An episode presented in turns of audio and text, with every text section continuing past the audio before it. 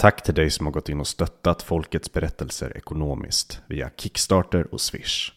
Vi vill rikta ett särskilt tack till Per Hallgren, Tom Engstedt, Erik Bergman, Henrik Jönsson, Johanna Hartman och Sebastian Tibbling. Det här är Folkets berättelser.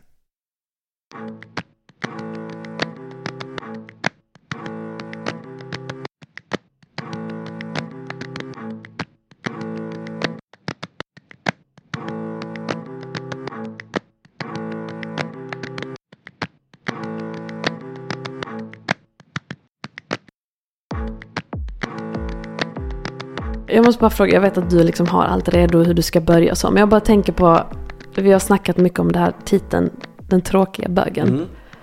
Är det något du har fått till dig själv? Eller har någon kallat dig det? Det har faktiskt blivit kallad den tråkiga bögen förut. Ehm, bara för att, kanske inte just termen den tråkiga bögen, men du är så tråkig för att vara bög.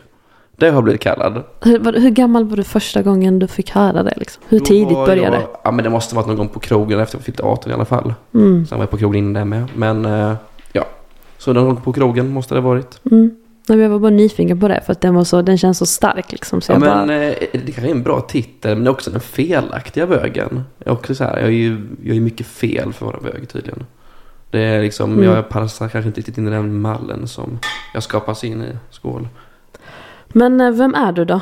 Karl-Oskar, om du börjar. Vem, vem är du och din berättelse? Du får liksom börja med den hur du vill, känner Ja. Eh, jo, mitt namn är ju Karl Oskar Bodalen. Eh, från Jönköping, uppväxt där mestadels och nu bor jag i Italien. Pluggade ju samhällsvetenskapsprogrammet i Jönköping på Bra gymnasiet och nu pluggar jag fashion business på Instituto Marangoni i Milano. Och det är ja, vad säger man, den ytliga delen av mig. Sen finns det större delar som jag tror vi kommer gå in på lite längre in. Eh, men det som jag skulle kunna presentera mig själv som är just den tråkiga bögen eller felaktiga bögen för just det här samtalet. Varför? Ja, alltså vi ska nog backa bandet en del, alltså och prata om varför eller vart det kommer ifrån. Det skulle jag säga kommer från eh, personer som är väldigt mycket inne i cirkeln kring just ja, men gay community, RFSL, Pride-paraden framför allt. Um, ehm, och det där det kommer ifrån och varför det, ja, det är, jag håller inte riktigt med om mycket till exempel. Eller jag avviker lite med åsikter och dylikt. Men uh, ja, jag tror vi backar bandet nästan till min barndom. Uh, för jag tror att min barndom började väldigt bra. Men sen så någonstans upptäckte jag kontrasten och var det började skava sig. Jag skulle nästan säga att jag har haft den perfekta uppväxten. Verkligen. Även om det låter väldigt, ja, vad säger man, arrogant. Men jag känner lite med de som växer upp nu och de som kanske växte upp förr. För de har delat med sig av deras åsikter och deras historier till mig om hur de växte upp. Men jag växte upp med eh, mamma och pappa separerade från när jag var två och ett halvt. Så jag har liksom ingen direkt trauma från detta överhuvudtaget. Men jag har inte haft någon förälder som verkligen pushat min sexualitet eller motarbetat den. Utan den har jag fått upptäcka helt själv. När jag var liten då, vi pratar grundskolan, lågstadiet, mellanstadiet, så var ju bög ordet, eller vad säger man, ordet bög var ju något som var negativt klangat.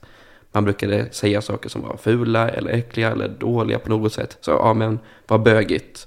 Vilket bögigt vatten, om det var grumligt att simma i eller ja, usch, den här tårtan var bögig innan den inte var god. Sådana saker. Sen blev man ju lite äldre och förstod vad, vad betydde det. Man blir ju alltid hysch och säger, men du kanske inte ska säga så. Så tog man reda på, vad betyder det egentligen? Ah, Okej. Och sen så börjar man ju komma in i puberteten och jag tror att de flesta eh, homosexuella personer börjar inse någonstans där att någonting stämmer inte riktigt eh, med mig. Sen var man inte helt säker på vad det var. Men det tog man reda på lite senare och det kom man ju på verkligen. Och när jag väl kom ut då, det gjorde jag ju faktiskt via tv. Eh, Jag var med i programmet Hemliga beundrare och blev inbjuden där. Och faktiskt bara under tågresan kom jag att tänka på vad händer om det är en kille som bjuder ut mig och inte en tjej? Hur gör jag nu? Och började så här direkt, jag måste ju berätta det här för någon. Så jag ringde faktiskt mamma på tåget upp och sa det, bara så du vet, jag är homosexuell. Hon bara, ja men det vet jag redan. Det är, Hur, hur gammal var du då? Det här, när det här Ja, hände? jag måste varit, jag måste varit 18, 18 fyllda. Hur gammal var du när du visste att okej, jag är gay? Ja, dags, jag funderade på det någon gång mellan 15 och 16, men jag accepterade inte för mig själv förrän jag var 18. Jag accepterade faktiskt på en bilresa hem efter jag hade kört hem en kompis från krogen. Jag var liksom lite fylletaxi kan man säga. Så jag körde hem henne till ja, sitt hus och sen på vägen från henne till mig satt jag liksom i bilen utan musik, utan någonting. Både händerna på ratten som en laglydig person och bara, nej men jag är ju gay. Alltså så är det bara. Det är ju bara, vad säger man, inte bita det så äpplet, men det är bara att acceptera liksom. Det är, that's it. Jag vet vad det är och jag har bara liksom undgått det väldigt länge. Men då accepterade det och det var liksom inga problem för mig. Det var inte så att jag plötsligt började må bättre eller sämre på något sätt. Utan det var bara, ja, så är det. That's it. Det var en väldigt liten del av min personlighet så att säga.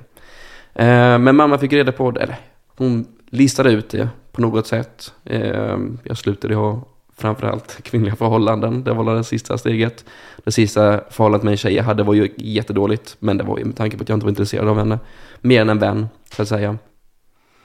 Men eh, på den vägen kom jag ut för mig själv och för henne. Och sen var det ju då via Hemliga beundrare och som jag nästan trodde det var en kille som kom fram. Eh, Gustav hette han, eh, kompis till mig. Och jag satt där i stolen, det enda jag kunde tänka på under det här mötet var liksom att när det här direkt sänds så kommer min pappa sitta med alla hans kompisar framför tvn, min mamma och alla hennes kompisar, arbetskamrater, alla mina kompisar och väldigt många andra och se detta och bara, nu kommer det fram. Jag hade redan berättat lite smått för vissa andra personer, men inte riktigt så seriöst och gått fram bara att jag är gay, punkt. Um, sen hade jag ju då faktiskt mellan inspelningsdagen och tills programmet kom ut några dagar eller till och med veckor på mig att berätta för folk och då gjorde jag det. Men min officiella coming out story är ju faktiskt via tv. jag blev bara nyfiken, om du inte hade varit med i det här programmet, hur tror du Alltså hur tror du det hade sett ut i så fall? Hade du liksom berättat ändå eller är det något du bara inte alls bryr dig om? Eller brydde dig om? Jag där och då? Behövt berätta det. Men min mamma sa ju det faktiskt när jag kom hem och jag berättade för henne att jag var orolig över just det här att nu kommer alla veta. Och då sa hon att du ska egentligen inte behöva komma ut. Det är liksom, det är, vem bryr sig? Ingen bryr sig. Det är inte så att jag och din far kommer liksom sluta prata med dig. Alltså, det är ingenting. Det är en sexualitet. Det är inte att du förändras på något sätt. Du har ju varit, det här liksom, det är ju, alltså med ett nytt kapitel i ditt liv. Och sen sa hon att jag har hellre svärsöner än svärdöttrar också. Hon har bara mig nämligen och jag är den enda sonen. Så att hon är ingen flickemamma så att säga. Okej, okay, så du kommer ut via det här tv-programmet på något sätt. Du har berättat för alla. Yes. Vad hände sen? Eh, till en början då. Eh, pappa var en av de första som kom fram till mig och sa att han kände lite, han visste ingenting. Alltså, han blev väldigt förvånad tydligen och han kände på något sätt lite så här ah, form av lite ångest, kanske lite skam. För han sa att han önskar att jag kunde haft modet nog att berätta till honom innan det här kom ut. Men sen så ansåg han ju att det var hans egna problem, att det var hans fel, att jag inte vågade komma ut. Och jag vet inte riktigt om jag håller med om det, för han har inte gjort något fel överhuvudtaget. Det är inte så att han liksom fått mig att känna mig obekväm med min sexualitet överhuvudtaget, någonsin. Men, eh, ja. Jag kom hit på det sättet och eh, ja, pappa och jag är liksom bästa vänner idag och har inga problem överhuvudtaget. Eh, sen var det ju några så att säga, vänner då, eller folk man känner som slutade prata med en. Som tyckte det var, jag vet inte, fel eller om det var äckligt eller jag vet inte vad de tyckte. Jag brydde mig inte så mycket heller. Det var inte speciellt nära personer. Eh, och de som jag stod nära, de brydde sig heller inte. Det var en tjejkompis som heter Rebecka som jag berättade för på en pizzeria i Jönköping och jag kom ut till henne under det här innan programmet släpps då och jag sa att ja, men, eh, jag är bisexuell. Och hon skrattade åt mig och sa nej det är du inte, du är gay. Jag bara okej okay då, det kanske är. men på något sätt kändes det nästan lättare att säga att man var bisexuell eftersom jag haft tidigare kvinnliga förhållanden. Det är liksom, nu vill jag ju förklara liksom varför jag inte, varför var jag tillsammans med dem för? Jag vet inte. Fanns det något motstånd? Motstånd. Hos dig liksom? Jag tänkte jag var tillsammans bara... med tjejerna. Nej, att du sa bisexuell istället ja, för bara... Ja, men jag vet inte. Ja, men det var nyss för att, jag vet inte, jag ville ju också rädda de tjejerna som jag hade varit tillsammans med. För nu var det så här, de bara, nu har jag varit tillsammans med en gaykille. Och det vet inte jag hur de skulle tolka. Eh, sen, det är mina ex, så jag bryr mig inte jättemycket kanske. Men lite så här, de får ju leva att de varit tillsammans med en gaykille och gjort ditten och datten så att säga. Sen tror inte de bryr sig direkt heller, om man ska vara helt ärlig. Um, men ja, det som var den stora kontrasten då, varför, varför jag faktiskt sitter här idag också och vill berätta, är för till början så var det lite halvfel. Det var lite, inte skamligt, men bög var något som var negativt laddat. Efter jag kom ut och flyttade då in till stan, till exempel till Jönköping, och när jag gick gymnasiet och sådär med, um, så blev det nästan positivt istället. Och det var inte riktigt det jag hade tänkt mig. Jag hade hoppats på att det skulle vara liksom, ingen brydde sig. Att det skulle vara ganska neutralt, jag förändras inte. Men helt plötsligt började det komma en hel ny mobb av människor som ville vara min vän. För att nu blev jag lite halvpopulär på något sätt. Och många kom och ville liksom åka och måla naglarna eller skaffa löshår eller sminkning eller liknande. Eh, mycket tjejkompisar då. Och det var ju kul till en början. Men sen så insåg man att det var inte jag intresserad av överhuvudtaget. Och då tyckte de att jag var, var, inte tillräckligt rolig. Men det var liksom, de gav mig en chans för att jag var gay. För då trodde de, de hade någon form av bild i huvudet att jag skulle vara på ett visst sätt. På grund av att jag var gay. Och så var jag inte det. Och så blev det ju dåligt. Så då det kände jag, jag började inse det här, är, det här är inte heller bra. Det här är ju på fel håll. Det, det, jag vill inte att det ska vara positivt. Jag vill inte att det ska vara negativt, men det ska ju det ska inte vara någonting. Och det har jag alltid förespråkat. Men det är också därför jag Gå tillbaka till det jag säger, att jag har haft den perfekta uppväxten. För både föräldrarna då har varken pushat eller gjort motstånd. Och samtidigt skolan har det inte varit något att vi pratat om det på ett speciellt sätt. Att eh, skaffa några sådana gay icons i livet eller att det är dåligt. Vi har inte pratat om det överhuvudtaget. När jag hade sex, sexualkunskap så var det ju endast man-kvinna, så att säga, biologiskt sex fungerar. Um, och det var ju ja, ganska ointressant, men det är bra att veta. men eh, ja, nej, så att eh, det blev fel på det hållet. Eh, tyvärr. Men eh, ja, Sen flyttade jag ner till Italien ganska, ganska snabbt omgående efter gymnasiet. Och där har jag ju haft den bästa upplevelsen någonsin när det kommer till sexualitet. Faktiskt. För där har det varit att folk verkligen, de bryr sig inte. Det är som bara, okej okay, du är gay, so what? Alltså, gör ingen grej av det. Varför har det känts så viktigt att just det sättet att bemöta dig? Ja men då, får, då kan folk se mig på ett annat sätt. Då kan ju folk tycka om mig på den jag faktiskt är. Inte för min sexualitet. Utan kom och gilla mig för för vem jag är istället. Alltså min sexualitet är en sån otroligt liten del av vem jag är. Det är liksom vad jag gör i sovrummet med vem, eller annanstans, med en person. Det spelar ingen som helst roll. Men eh, liksom istället åsikter eller min passion, till exempel jag pratar väldigt mycket om mode oftast. Jag pluggar inom det, jag vill jobba inom det. Sådana kontakter vill jag hellre ha än att folk kommer och säger ja ah, men jag är vän med honom för att han är gay. It's my gay best friend. Så, nej, nej tack. Det skippar vi. Så du har känt att du hamnade lite i det facket här i Sverige men kom ifrån det i Italien? Ja, det, det känner jag verkligen. Eh, jag blir upp, inte uppmanad, men varnad att Italien är otroligt konservativa. Och det är absolut, åker du söder om Italien så finns det en viss konservativ sida och ganska emot eh, homosexuella. Nu har de också en ny eh, president eller prime minister, hon Giorgia Meloni. Och de pratar väldigt negativt om henne och att hon är emot, hon är mer för den stamfamiljen mellan man och kvinna och så liknande. Men om man kollar liksom just samhället i sig så är det väldigt lugnt på den fronten, vad jag har upplevt i alla fall. Nu bor jag också i Milano, vilket brukar också ses som the gay capital i Europa i alla fall. Eh, det är alla typ London som är lite mer gay i Milano kanske. Men annars så är det ju, nej Milano är upplevt det som väldigt, väldigt ja, vad säger man, varken öppet eller stängt. Eller öppet framför allt. Alla kan vara vem de vill nästan när det kommer till sexualitet. Men det är heller ingen big deal. Utan det finns ju gayklubbar man går på det, men det är varken pinsamt att gå på det eller liksom promote att gå på det. Det är ingenting, det är bara sexualitet, ingen bryr sig. Och de har ju Pride-parader också. Och deras Pride-parad har ju, jag brukar ju förespråka då, om man nu vill ha en Pride-parad i ett land, så kolla på Milano hur de gör. De har ju en av Europas största Pride-parader och de har varit till 99,9% väldigt bra. Till och med Turin var ju sämre i år. Då var det ju väldigt mycket naket. Och det är också något jag kommer gå in och prata om. Det här med Pride och varför jag är emot dem. Ehm, men Milano, de brukar jag rekommendera att kolla på. De är bra föregångare. Jag bara upplever, alltså jag känner av så mycket. Jag, jag känner ju att du har väldigt mycket frustration. Och ilska liksom. Jo, och jag är väldigt nyfiken på den. Varifrån kommer den? Vad finns det i den? Den kommer ju ifrån frustrationen har ju byggts upp liksom. Det är, kan man säga, det är inte bara en händelse utan flera. Vi har ju till exempel då skolgången som jag nämnde det här att man blivit lite exotifierad nästan. Eh, och sen har det varit ett av mina första jobb som jag hade här i Jönköping. Där jag blev, eh, jag visste att det var flera av mina vänner som sökte dit också. Eh, och de hade nästan bättre merit än vad jag hade. Någon tjejkompis hade jobbat inom service förut. Någon annan hade jobbat med, ah, eller ja, jobbat förut också. Det var mitt första jobb. Så jag kom dit och pratade och hade arbetsintervju och alltihopa. Och sen så ringde de och ville ha mig. Och det första jag blir bemött av när jag kommer till den här butiken då var så här. Det är skönt att äntligen ha en gaykille här inne. Nu blir det äntligen ordning och reda. Okej. Okay. Varför gjorde det dig upprörd? Ja, det är så här, fick jag, då började jag ju liksom tänka så här, okay, fick jag jobbet för jag var gay? Var det min merit, så att säga? Det ska inte vara merit. Det är liksom, jag har en kompis då som har jobbat förut, liksom ganska mycket. Hon borde ju fått det istället. För hon har ju klarat av, jag var ju kass på jobbet. Jag är rent av värdelös. Det var mitt första jobb, jag tog det inte seriöst. Jag visste inte vad jag skulle göra, jag hade mer eller mindre smärre panik varenda dag. För de här små grejerna som jag skulle pyssla med. Liksom. Det var ju första jobb och sen där få lön och alltihopa, den brände jag ju på en halvtimme.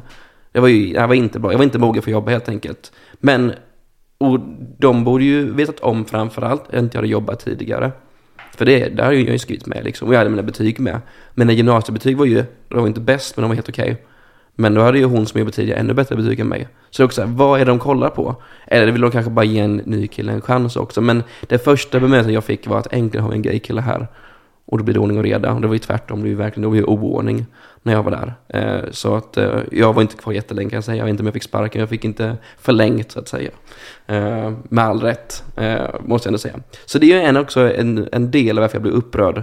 Ehm, och sen har jag ju då en annan, ett annat steg var ju Jönköping under när de här valstugorna stod uppe i Rådhusparken som det heter. Så var det samtidigt som Prideparaden var. Då stod jag och gick ju från stuga till stuga. För jag är inte till, jag, jag är med i Medborgerlig Samling just nu, eh, ett politiskt parti utanför riksdagen så att säga. Eh, men då gick jag valstuga till valstuga och pratade med allihopa. För det är det jag tycker det är kul att prata med allihopa. Och då står jag vid KD och pratar med en kompis som mig. Och då kommer, alltså säger man den främre delen av Pride-paraden och då är det två tjejer som kommer fram till mig och frågar om jag är med i KD. Om jag ska till KD. Och säger nej, jag är inte. Okej, okay, för vi vill inte se dig i Pride-paraden om du står med dem. De visste ju vem jag var, för jag hade ju kommit ut, så de, jag hade ingen om vilka det var. För de sa liksom, då började de just argumentera med mig och sa att men du borde hålla dig borta från KD, för de vill inte, de tycker inte om det för att du är gay. Så jag men han jag står och pratar med i KD, han är ju också gay. Så att, och han är ju med där, jag är ju bara pratar där. Och det blir, men jag blir liksom sur. Jag sa, men herregud, inte Pride är öppen för alla. Det ska inte vara politiskt. Alla är välkomna. Nej. Och då sa han, här är du inte välkommen Pride. Om du ska stå här och prata med KD. Och då sa jag, då skiter jag i Pride. Helt ärligt. Då står jag, står jag hellre och pratar med min kompis här går med i ett regnbågsfärgade ballongtåg. Alltså, ta din enhörning och stick då. För det, nej, då, då är det bra. Eh, så det blev ganska, det var nog den största, ja, inte största, men det var en, en del som jag var riktigt arg över. Då blev jag arg på speciellt Pride-paraden. Jag tyckte den var väldigt eh, icke-inkluderande framför allt. Um, ja, så då ja, blev jag också passionerad över den grejen. Um, Finns det fortfarande ilska för Pride? Ja, men det gör det. Absolut. Jag tycker att de har ju förstärkt en stereotypisk bild framför allt. Och sen har de ju då satt en representation utav eh, homosexuella, bisexuella och transpersoner som jag tycker är väldigt det är ingen mångfald i det. Det är enfald snarare. Vad är den stereotypiska bilden bara så att de som ja, lyssnar vet? Enligt dig? Ja, enligt mig, om man kollar på den här boxen, om jag som gay då, vad är att vara gay? Vad tänker folk när man säger att man är gay? Det är liksom, man tänker på drag, då dragshowande. Pride-paraden är också, du ska vara med. Är du gay så går du Pride, liksom no-brainer tydligen. Eh, och ganska feminint. Det är ju prata på ett visst sätt, klä sig på ett visst sätt, sminka sig till och med på ett visst sätt. Eh, och det blir nästan som att när du hamnar i den här boxen och du kommer ut som gay, då ska det vara den här boxen. Hela min världsbild, politiska och kultur blir liksom placerat i en liten, litet fack. Det är bara för några år sedan, tänk om det tio år sedan, vara höger, alltså moderat eller KD eller SD eller liberal, eller folkpartist som det är då. Det var ju alltså jättenej i Pride. Det har blivit lite mer öppet nu med tanke på att nästan alla bögar är med Moderaterna helt plötsligt. Muff är ju bara bögar för tiden. Men så det har blivit lite mer öppet, men fortfarande ganska mycket det här. Jag tycker drag är jättekul, absolut, jag kan gå på en dragshow. Men nu ska det ställas fram framför till exempel barn och unga, vilket jag inte alls är för. Det finns absolut tillfällen då drag kan vara med barn, men i många fall så är drag ganska sexualiserat. After Dark till exempel, det heter ju After Dark av en anledning. Det är ju för en mer vuxen publik. Och väldigt roligt, väldigt kul. Men det är inte för barn. Du tar inte dit en 12-åring till en dragshow. Det är samma sak, du tar inte med en 12-åring till Hooters i USA. Du tar inte med en 12-åring till Las Vegas Lady Gaga show. Det, det, det ska ju vara på samma sätt. Och du tar inte med en 12-åring på en strippklubb heller för den delen. Så att det helt plötsligt får ju drag någon form av undantag då på grund av att det är på HBT-sidan. Eller inom Pride. Då får de liksom någon sån här, något frikort helt plötsligt. Som jag inte alls håller med om. Um, så det är lite halv halvirriterande att bara för att man är bög ska man behöva vara på ett visst sätt. Jag vet inte vilket kontrakt jag skrev under, men jag har bara glömt av prenumerera min bokning på Vara bög. Men annars har jag inte skrivit något kontrakt. Okej. Okay. Mm. Det är många gånger man hör det här, men that's not gay. Jag precis som jag kollar på fotboll. Jag sitter hemma i min eh, fåtölj då med min pappa och kollar på typ Liverpool eller någonting. Han älskar Liverpool. Det är så här, ja men that's not gay. Nej. Jag kollar på män som spelar boll i shots. Det är, och ibland så ramlar de och shotsen åker av. Nej, nej men alltså det, det, herregud, kolla på fotboll, ska det vara någon, ska vi sätta det i ett fack också? Det ska vara hetero? Alltså, vad är, måste, ska jag kolla på drag då istället? När min pappa kollar på, alltså jag tittade nu på två matcher samtidigt. Han kollar på fotboll, jag kollar på italiensk fotboll. Han kollar på England, jag kollar på Italien eller någonting så här. Det är, jag kollar på båda samtidigt. Mm. Det är liksom, ja, ska det vara förbjudet? Det är det ju inte, men det är bara så dumt att det här facket överhuvudtaget finns från början. Och det är så tråkigt när både Pride och media hela tiden förstärker den bilden, att den ska finnas. För då blir det lite, ja, men det, det hamnar ju många utanför. Och det är många som är icke-bögiga bögar också. Men, och de går inte Pride. Och de känner ju helt plötsligt att från en annan synvinkel då, till exempel då, en person som kollar på Pride, att ja, men det, här, det här är bögarna. Det här, this is the gay people som går i Pride-paraden. Men det är väldigt mycket som, alltså herregud, bögens sexualitet. Och Pride representerar ju verkligen inte mig. Det är inte så att jag springer runt med ja, halvnaken med dildos på huvudet som det händer att eh, du gör det i Pride-paraden. Så jag saknar lite då, vad hände med den, vad hände med mångfalden som pratades om? För nu är det ju bara mångfald i utseende. Det är väldigt enfaldigt egentligen. Många har egentligen åsikter. Nu är det ju bara mångfald i, ja, nej, det finns ingen mångfald. Så det är, jag tycker det är kul när Pride pratar om mångfald, för den, är, den finns inte. Eller värdegrund, det har de ingen heller. För den delen. Finns det ingenting alltså, som du tycker är bra med dagens Pride? Finns det något liksom du uppskattar? Jag är väldigt tacksam för den äldre generationens Pride. Avviker från din fråga här. Men jag är väldigt tacksam för eh, den gamla Prideplanen. Vi måste ju fortfarande, jag, alltså jag accepterar ju och är tacksam för att de har främt hbt-personers liksom, synlighet och att vi får gifta oss, adoptera på samma villkor alltihopa. Kan få jobba hur som helst, liksom visa att men, Pride förr var ju mer eller mindre att lämna oss i fred. Vi är som vem som helst, gör ingen big deal out of it. Men det är det som är lite problemet nu för att den här aktivismen som fanns då, den har ju blivit, eh, det har ju blivit, vad säger man? Institutioner av det helt enkelt. Myndigheter, Jämställdhetsmyndigheten till exempel. Då har jag blivit, det är inte aktivism längre. När aktivister blir betalda, då är det inte aktivism längre. För då, alltså om du slutar betala en aktivist, då, då kommer de ju lägga ner sitt arbete. De har egentligen, de är ju klara nu. Vi får giftas med vem vi vill. Vi får, ja, förutom minderåriga tack och lov. Men det är nästa steg kanske, vem vet? Det är liksom, vi vet inte hur långt det här kommer gå. För just nu så är det ju helt okej okay att en person som springer ut med strap-on och dildos på huvudet, halvnaken, BDSM-klädd, springer liksom två meter framför scoutkåren. Där det är barn mellan 6 och 12. Så när jag säger så här, liksom, vad är nästa steg? Att vi ska gifta med barn, så brukar folk alltså, skratta åt mig eller, nej, inte skratta åt mig, de brukar bara så här fnysa åt mig och säga nej det kommer inte hända. Men vi är väldigt fortfarande nära en sexualisering framför barn, eller till och med utav barn. Det finns ju många dra alltså, dragshower eh, där barn blir inbjudna och då lär sig twerka eller liknande. Och det är liksom, jag vet inte, jag som förälder hade ju blivit skogstokig om jag fick veta att min sexåriga son eller dotter eller whatever står och twerkar på skolan av en man i kvinnokläder där brösten hänger ute och förmodligen alltså, väldigt sexualiserad.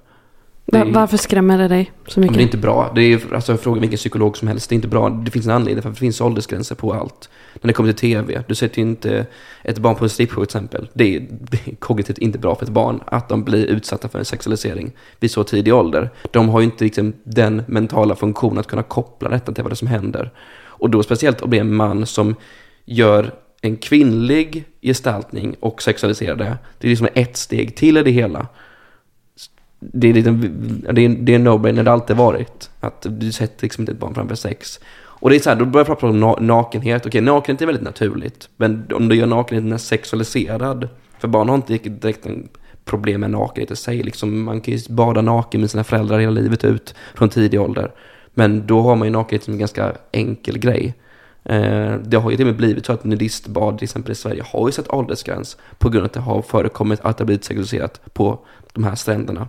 Innan har ju inte varit det. Det har ju varit att nästan vem som helst kan gå dit. Och som jag bor ju vid sjö, jag har alltid varit naken med mina föräldrar.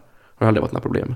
De har, de har inte sexualiserat sig liksom på något sätt framför mig. För det, inte, det gör man inte. Speciellt inte framför någon som är ens familj.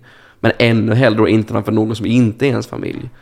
Så att det, det, det är bara det är destruktivt på väldigt många plan. Och det är lite det jag tänkte komma in på. Varför, varför jag också är emot det på ett annat sätt. För att när det här Pride-podden ser ut som den gör just nu. Eh, med en väldigt stor sexualisering. Så kan vi kolla på de som är emot Pride.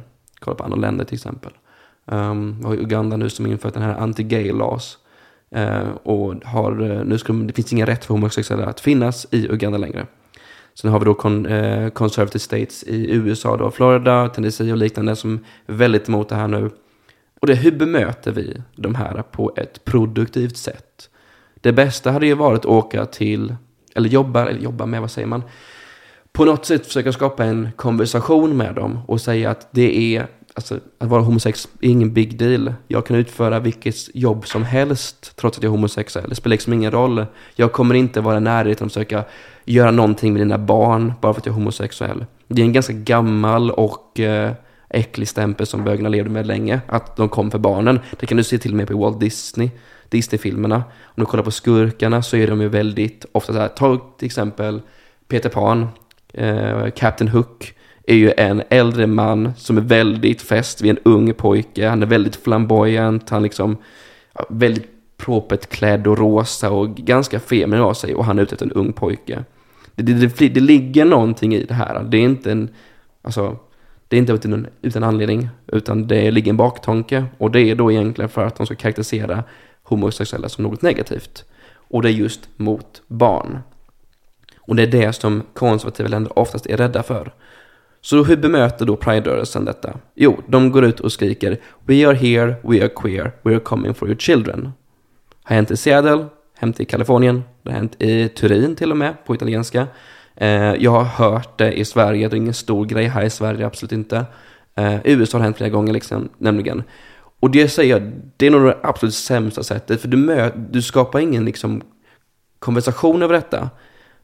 för det är ett väldigt naivt och speciellt arrogant sätt att uh, bemöta detta. Det är mest meningen att du ska trycka ner alltså en ganska sexualiserad, äcklig livsstil i konservativas hals och hoppas på att de accepterar det. Det kommer inte funka, de kommer bli värre, de kommer bli ännu mer konservativa och säga nu definitivt inte. Och vilka är det som hamnar i skottlinjen då? Jo, alla bögar. Även de som inte är med i Pride. Till exempel? Till exempel mig. Och väldigt många, många kompisar. Så var, men folk är fortfarande rädda för att kritisera Pride. För det är liksom så här, det är ju blivit en mobb också. Du kan ju inte det. Vad händer om du går och säger, men jag kritiserar Pride, är du homofob? Okej. Okay. Speciellt då tänker jag för personer som är heterosexuella. De vågar ju absolut inte kritisera Pride. Det är ju alltså, de ska ju hbtq-certifieras nu på företag och liknande. Gå på någon eh, jättedyr utbildning helt enkelt då för att de ska veta hur de ska agera framför hbt-personer.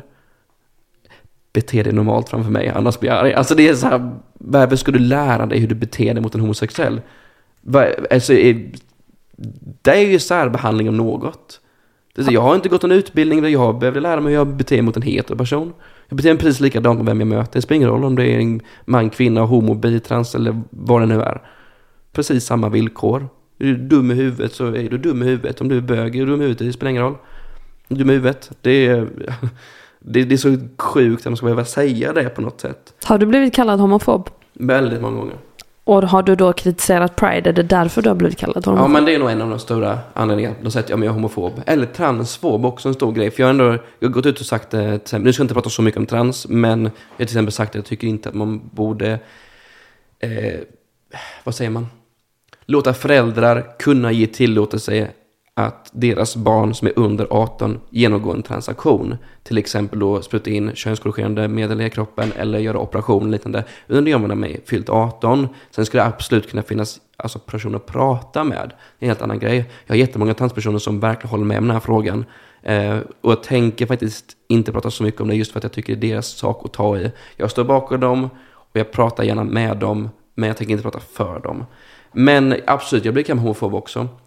Um, och hur känns direkt... det? Ja, men det är rätt lite roligt. Då brukar jag, alltså jag brukar... Roligt? Ja, alltså det är nästan komiskt. Det är så, alltså, då vet man ju inte vad man pratar om. Det är när någon kallar en homofob, liksom, okej, okay, du kallar en bög för homofob. Liksom, jag är rädd för mig själv, liksom, springer förbi spegeln varje morgon. Alltså det kan jag inte se mig själv, liksom, äcklig. Det är så dumt, det är så idiotiskt. Det är samma sak till exempel Medborgerlig Samling, fick ju inte vara med i, uh, var Europride, Pridefestival i Stockholm i alla fall, men vi också, för vi hade fel värdegrund. Hon var typ det enda partiet med öppen homosexuell partiledare i Lanzarote. Och vi är inte välkomna. Lite så här, okej. Okay. Och vi står ju bakom alltihopa när det kommer till, alltså, ja, vad ska man säga? Ja, jag har citatet till och med här. Stockholm Pride har begått ett gigantiskt misstag. Med, alltså Medborgarsamling, är ett liberalt konservativt parti. I livstidsfrågor är vi frihetliga och ställer oss helhjärtat bakom homo och bisexuella och transpersoners rättigheter. Och vi är motståndare till all form av rasism, diskriminering. Vi står deltagandet som utställare på eh, Pride Festivalområde som en möjlighet att träffa sympatisörer och potentiella väljare, som alla andra partier. Um, Stockholm Pride visar sig nu vara en organisation som motverkar möten och meningsbyten och som arbetar med utestängning som metod, säger då partiledare och en väldigt god vän till mig, Ilan Sadé, för Medborgerlig Samling. Det visar ju ganska snabbt att Stockholm Pride vet inte vad de håller på med. Det är ju en enfald. De klarar ju inte av att homosexuella eller personer som vill vara med i Pride har andra åsikter än vad Pride själva har, alltså organisationen då det är, då är det enfald helt plötsligt igen. Då är vi tillbaka på det spåret. Det är ingen mångfald. Vi behöver ju kunna möta alltså, homosexuella, bisexuella och heterosexuella och transpersoner och kunna ha en dialog med varandra. In, alltså inom Pride också. Mer vill ju givetvis, som alla andra partier, också skaffa sig fler väljare. Och med är ju alltså speciellt tycker jag då för partier som är utanför riksdagen. Utan de här korthusen som finns där, de här uh, kassapartierna som inte gör någonting, alla är likadana. Det är liksom allt i ett. Um, de måste ju också vara välkomna framför allt för att kunna synas och höras. Men, men det är mer en politisk game. Men eh, ja, det visar ju faktiskt vad Pride står. Eh, att de inte vill ja, prata med, eller ha dialog med andra mm. överhuvudtaget. Mm.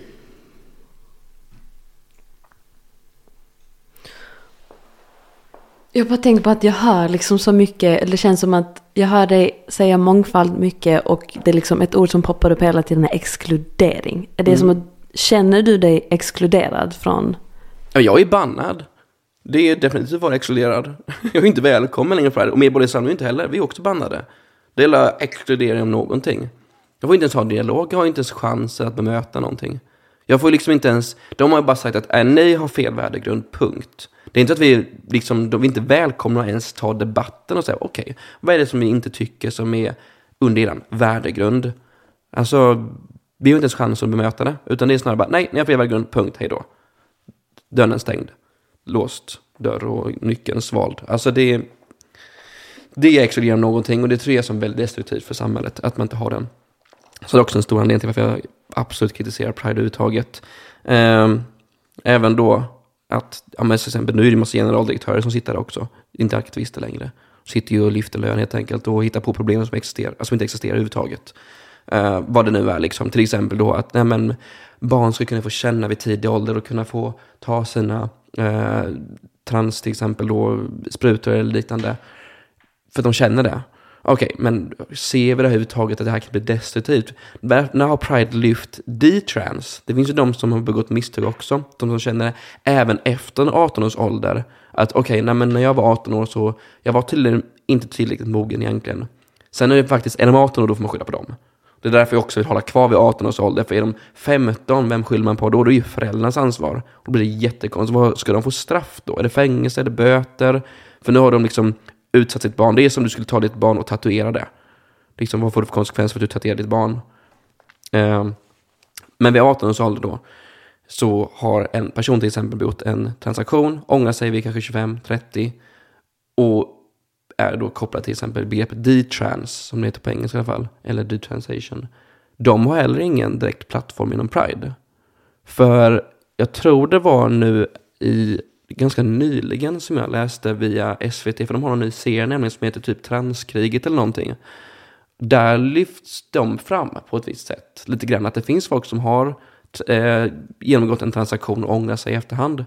Men då ser Pride, RFSL och den här, eh, ja, jag ska inte säga några namn, hur som helst, ser det som destruktivt. Att det här är inte bra för barn och ungdomar att se. Det är tvärtom, det är väldigt bra för dem att se att okej, okay, det kan faktiskt, alltså det här är ett livsval du gör. Det, det kommer ha otroliga konsekvenser om du ångrar dig. Alltså det, det, det is no going back. Om du speciellt gör det innan 18 års ålder. Det är som speciellt om du exempelvis är en biologisk kvinna då och eh, gör en bröstoperation, alltså tar bort dina bröst. Det är liksom, de växer liksom inte ut igen, det är inte som hår. Så då får du helt enkelt fylla på med silikon och det kanske till och med tappar all förmåga att kunna amma i framtiden. Vilket gör att det kan vara väldigt svårt för dig att bli en moder, om det vill bli det i framtiden. Det pratas inte om i Pride heller. Det är helt tyst. För det främjar ju inte att folk att bli trans eller liknande. Och när det kommer till just gay, alltså det... Oh, jag tror att när det kommer till just det, homoaspekten inom Pride så är det ju mest att det är väldigt mycket enfald i det. Det är ganska mycket, vad ska man säga? En åsikt som hörs, en grupp av homosexuella som hörs. Och den här typiska boxbögen som jag kallar det då, den här, som syns på ett visst sätt och pratar på ett visst sätt och klär sig på ett visst sätt. Um, Vilken annan röst skulle du vilja skulle alla, höras? alltså bara, bara alltså shut it down, alltså den här uh, typiska rösten, eller den, den boxen då. Öppna upp för allihopa istället.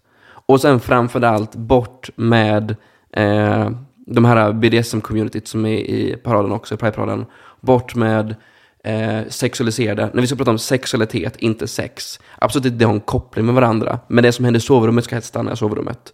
Det som händer på en ja, dansgolv på en klubb, absolut. Där får du jättegärna, om du går till en dansklubb där det ligger intimt, absolut, då får du på dig vad, vill, vad du vill. Jag gör också det.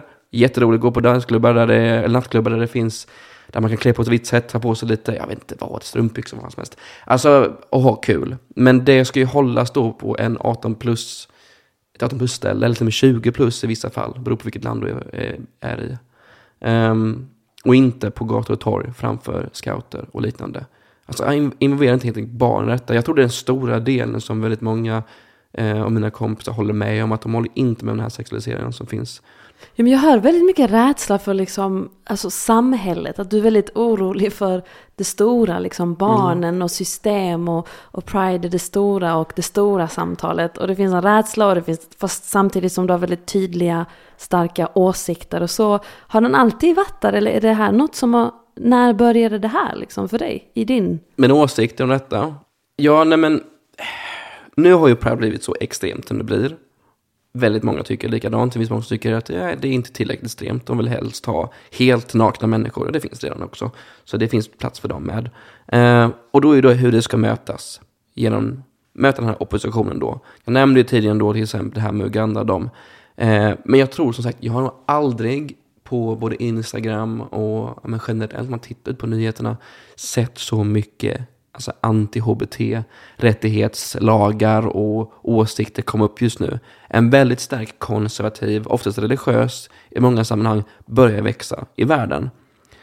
Och då är ju frågan liksom, hur, hur löser vi detta nu? För Pride vill ju inte göra någonting åt det. Det är bara som det är. Jag, jag har haft konversationer med dem inom Pride och sagt att det, vi måste fokusera på det här, det riktiga problemet. Att du blir lite kränkt för att du inte kan springa runt halvnaken på gator och torg med en strap och någon dildo på huvudet, det bryr jag mig inte om. Det, du, du får gärna göra det hemma hos dig eller på en klubb. Men nu finns det faktiskt folk som har riktiga problem. Till exempel i Uganda eller riktigt konservativa länder. Där de blir mer eller stenade för att de har en viss sexualitet. De kommer inte tänja på sina regler för att vi i västvärlden, till exempel då Sverige eller USA, håller på att sexualisera det så mycket och sätter ut våra utställningar framför barn. Det gör bara att deras ideologi blir ännu starkare. Det behövs en riktig konversation med de här länderna. Det är det som jag vill att Pride skulle kunna göra. Och det är säkert jättemånga som säger, men vi gör det, vi jobbar på det. Ja, men inte tillräckligt mycket. Absolut, all, alldeles för långt ifrån. Och vi kan inte jobba, alltså det, det är så kontraproduktivt att ha en Pride-parad på det sättet som det ser ut just nu med BDSM och, och furries och allt de här sexgrejerna gestaltas och sen säga men vi vill ha en konversation med dem. Det är liksom nej, de vill inte ha en konversation med er om ni fortsätter på det här sättet. Så det måste ju ändras och jag, jag känner en stark hopp om, eller ett hopp, jag vet inte, men jag, jag hoppas, jo men jag, men jag hoppas verkligen på att Pride på något sätt skulle kunna lyssna på flera, för det är inte bara jag som tycker så här, men det är väldigt många som inte vågar säga så mycket. Vad är din personliga vision för en bättre Pride-rörelse? En Pride där, där även till och med barn kan gå i, utan att det kan bli problem för dem i framtiden. En Prideparad där det också finns mångfald för åsikter, inte bara utseende. Alla är välkomna och ja, alla är välkomna framförallt då. Men också där det finns, sexualitet är en sån liten grej. Det visar egentligen, vi vill bara visa världen att vår sexualitet är en sån otroligt liten promille om vem vi är som person. Jag kan utföra vilket jobb som helst som vilken heteroperson kan göra. Och det kan en transperson också göra. Um, Förutom kanske föda barn. Men annars så kan de göra vad som helst. Det är det vi måste visa, det är det vi måste gestalta. Men det är inte det de vill. Det har blivit så arrogant. Det har blivit så naivt. Det har blivit så Eh, gå tillbaka till till och med Maslows trappa här nu. Det finns den längst upp på toppen som är så här self-actualization. Är det? Det är det enda de fokuserar på. De vill bara vara så gay som möjligt. Eller göra någonting så sexuellt som möjligt. Och de har fått ett frikort här nu. Gå på Pridefesterna. För då har du en sexfest som du kan gå på helt öppet. Och jag förstår inte varför folk känner något behov av att göra det. Överhuvudtaget. För du kan göra det på en klubb. Om du vill gå lättklädd, men gå till en klubb. Gå till en gayklubb om du vill gå lättklädd. Det finns ju jättemycket lättklädda människor där. Det är liksom, varför måste det dras över till Prideparaden som har varit en så stark, bra och men, främjande demonstration för? Varför ska det helt plötsligt hoppa ner i, i en, en skitig säck? Alltså, det har varit bra, behåll det bra och ta bort de här aktivisterna. Alltså ge inte pengar till aktivisterna, utan det ska vara, det ska komma från hjärtat. Det ska inte komma från plånboken. Stor skillnad. Um, men som det ser ut nu så lär det ju inte bli färre eh, anti-HBT-lagar, utan det kommer bara fler. Uh, och till exempel då Uganda, Uganda menar jag. Uh, så det är det frågan egentligen, vad tog lämna oss i fred-aktivismen vägen? Den som jag pratat om. För det var ju den vi ville ha. Den som förespråkar, den som vi förespråkade förr var ju väldigt vacker. Att vi bögar är inte sämre, eller bättre. Vill du bli lämnad i fred? Ja. Eller jag vill inte, jag, jag vill inte, jo det är klart jag vill bli lämnad i fred. Men jag vill inte att min sexualitet ska antingen bli representerad, exotifierad eller vara en merit. Det är en av de tre grejerna jag skulle kunna säga. Känner du att den har gjort det genom den, jag, dina år? Absolut. Det har blivit så att jag har kommit in, fått ett jobb för att jag har varit eh, homosexuell. Folk, jag har inte behövt ursäkta mig med min, min sexualitet, men jag har ändå sagt att jag är inte den typiska bögen. För jag har gått till exempel då kanske lite mer ute på landet-fester och så har folk sagt, ah, men, är du gay? Det trodde jag inte. Och jag bara såhär, jo det är jag. Och då blir det så här, man ser direkt på reaktionerna att de tänker på Pride-paraden. Och då behöver jag nästan ursäkta mig, jag kommer inte springa runt med en dildo på huvudet. Du behöver inte oroa dig. Och då behöver jag nästan ursäkta mig för min sexualitet helt plötsligt. Alltså, har vi kommit så långt nu? För det är det, folk tittar på Pride och ser Pride som en representation utav HBT. För det är det de är, det är det de vill vara. Nu kanske jag pressar dig, men jag bara undrar, känner du någonstans att det är okej okay att det faktiskt finns homosexuella som vill springa på en Pride-parad med dildos på huvudet? Eller känner du bara nej, nej, nej, det är inte alls okej? Okay? Om det är verkligen det de vill göra. Alltså, om de vill springa runt med en dildo på huvudet och i lättklädda då finns det jättemånga forum som det är välkommet inom. På nattklubbar, hemma hos dig själva, privatfester, rave, herregud, vad händer med rave-kulturen? Den måste vi ta tillbaka. Jättemånga ställen. Varför springa i en parad där du ska representera andra personer? Spring i en parad och representera dig själv istället. Om du, du kan ha din lilla egna prideparad på en nattklubb om du vill det. Absolut, kör hårt. Det kan till och med finnas nattklubbar där vi känner nu kör vi en riktig sexkväll. Nu ska det vara så, sex, alltså, så sexigt som möjligt. Det ska vara så lättklätt som möjligt. Bröstvårtor ska synas. Där kan de gå. För där kommer de få ut sitt självbeverklighet ändå. Jag förstår inte dock kopplingen om de säger nej men jag måste kunna göra det bland barn. Nej då, nej, då har du inte min respekt. Verkligen inte. För det ska du inte behöva göra. Känner du det, då har du problem. Då, nej, för du, ska, du får gärna sexualisera dig själv så mycket som möjligt, men det gör du inte framför barn. Eller liksom en yngre publik, eller folk som inte vill se det framför allt. Liksom, för om du, om du går på nattklubb och ser folk som är liksom väldigt lättklädda och klagar på det. Ja, men gå inte på nattklubb då. Men om du liksom är på Pride-paraden, för nu är det en hel månad också, nu är det inte ens Pride nu är det Pride Month istället. Nu ska vi fira, nu ska vi tävla vem som är mest lättklädd en hel månad. Liksom så här, fan, hinner ni börja skala av med skinnet helt plötsligt alltså. Så att, eh, jag försöker också relatera till många som tycker givetvis alltså, likadant som jag. För de, de säger mycket det också, de håller det på nattklubb, håller det i sovrummet. Eh, men då är ju frågan, som jag går till, vart står jag nu i det här? För jag kan ju inte vända mig åt, nu säger jag inte vänster-höger som politisk riktning, men jag kan inte vända vänster för att Pride-paraden, för de, det är sexualiserat. Och jag kan inte kolla höger, för där är det konservativt, de tycker inte om bögar. Så var hamnar jag? Jo, jag hamnar i skottlinjen. Jag hamnar med de som försöker liksom få båda att börja prata med varandra och försöka skapa en konversation för att få dem att börja förstå att ja, men vi kan samarbeta överhuvudtaget. Sen finns det de som inte kan göra det, absolut. Det finns de i, på, i Pride som säger nej men jag måste springa en dille på huvudet. Och det finns de i, på andra sidan säger att nej men jag är, jag är så religiöst troende att jag kommer aldrig acceptera homosexualitet. Okej, okay. men de personerna dör ju till slut. Så att men någon, jag tror den stora majoriteten i båda grupperna skulle kunna ha en konversation. Det är bara att just nu så motarbetar varandra väldigt, väldigt mycket. Och problemet blir att de som hamnar i skottlinjen, bland annat jag och väldigt många av mina kompisar som är både hetero, homo, bi och trans, kommer ju ta den här smällen till slut. Så lite halvsynd, eller det är, det är väldigt synd faktiskt. För jag är ju fortfarande gay och kommer ju inte kunna gå på varken konservativa sidan eller den pride-sidan. Uh, för det det är en skottlinje som väldigt få också vill erkänna överhuvudtaget existerar. Det är antingen black or white. Men jag brukar säga att jag är en väldigt sexig version av det gråa. Brukar jag kalla eh, så att, och det, och det är flera som tycker det. Jag känner flera heta personer som tycker likadant. Men de vågar inte säga emot.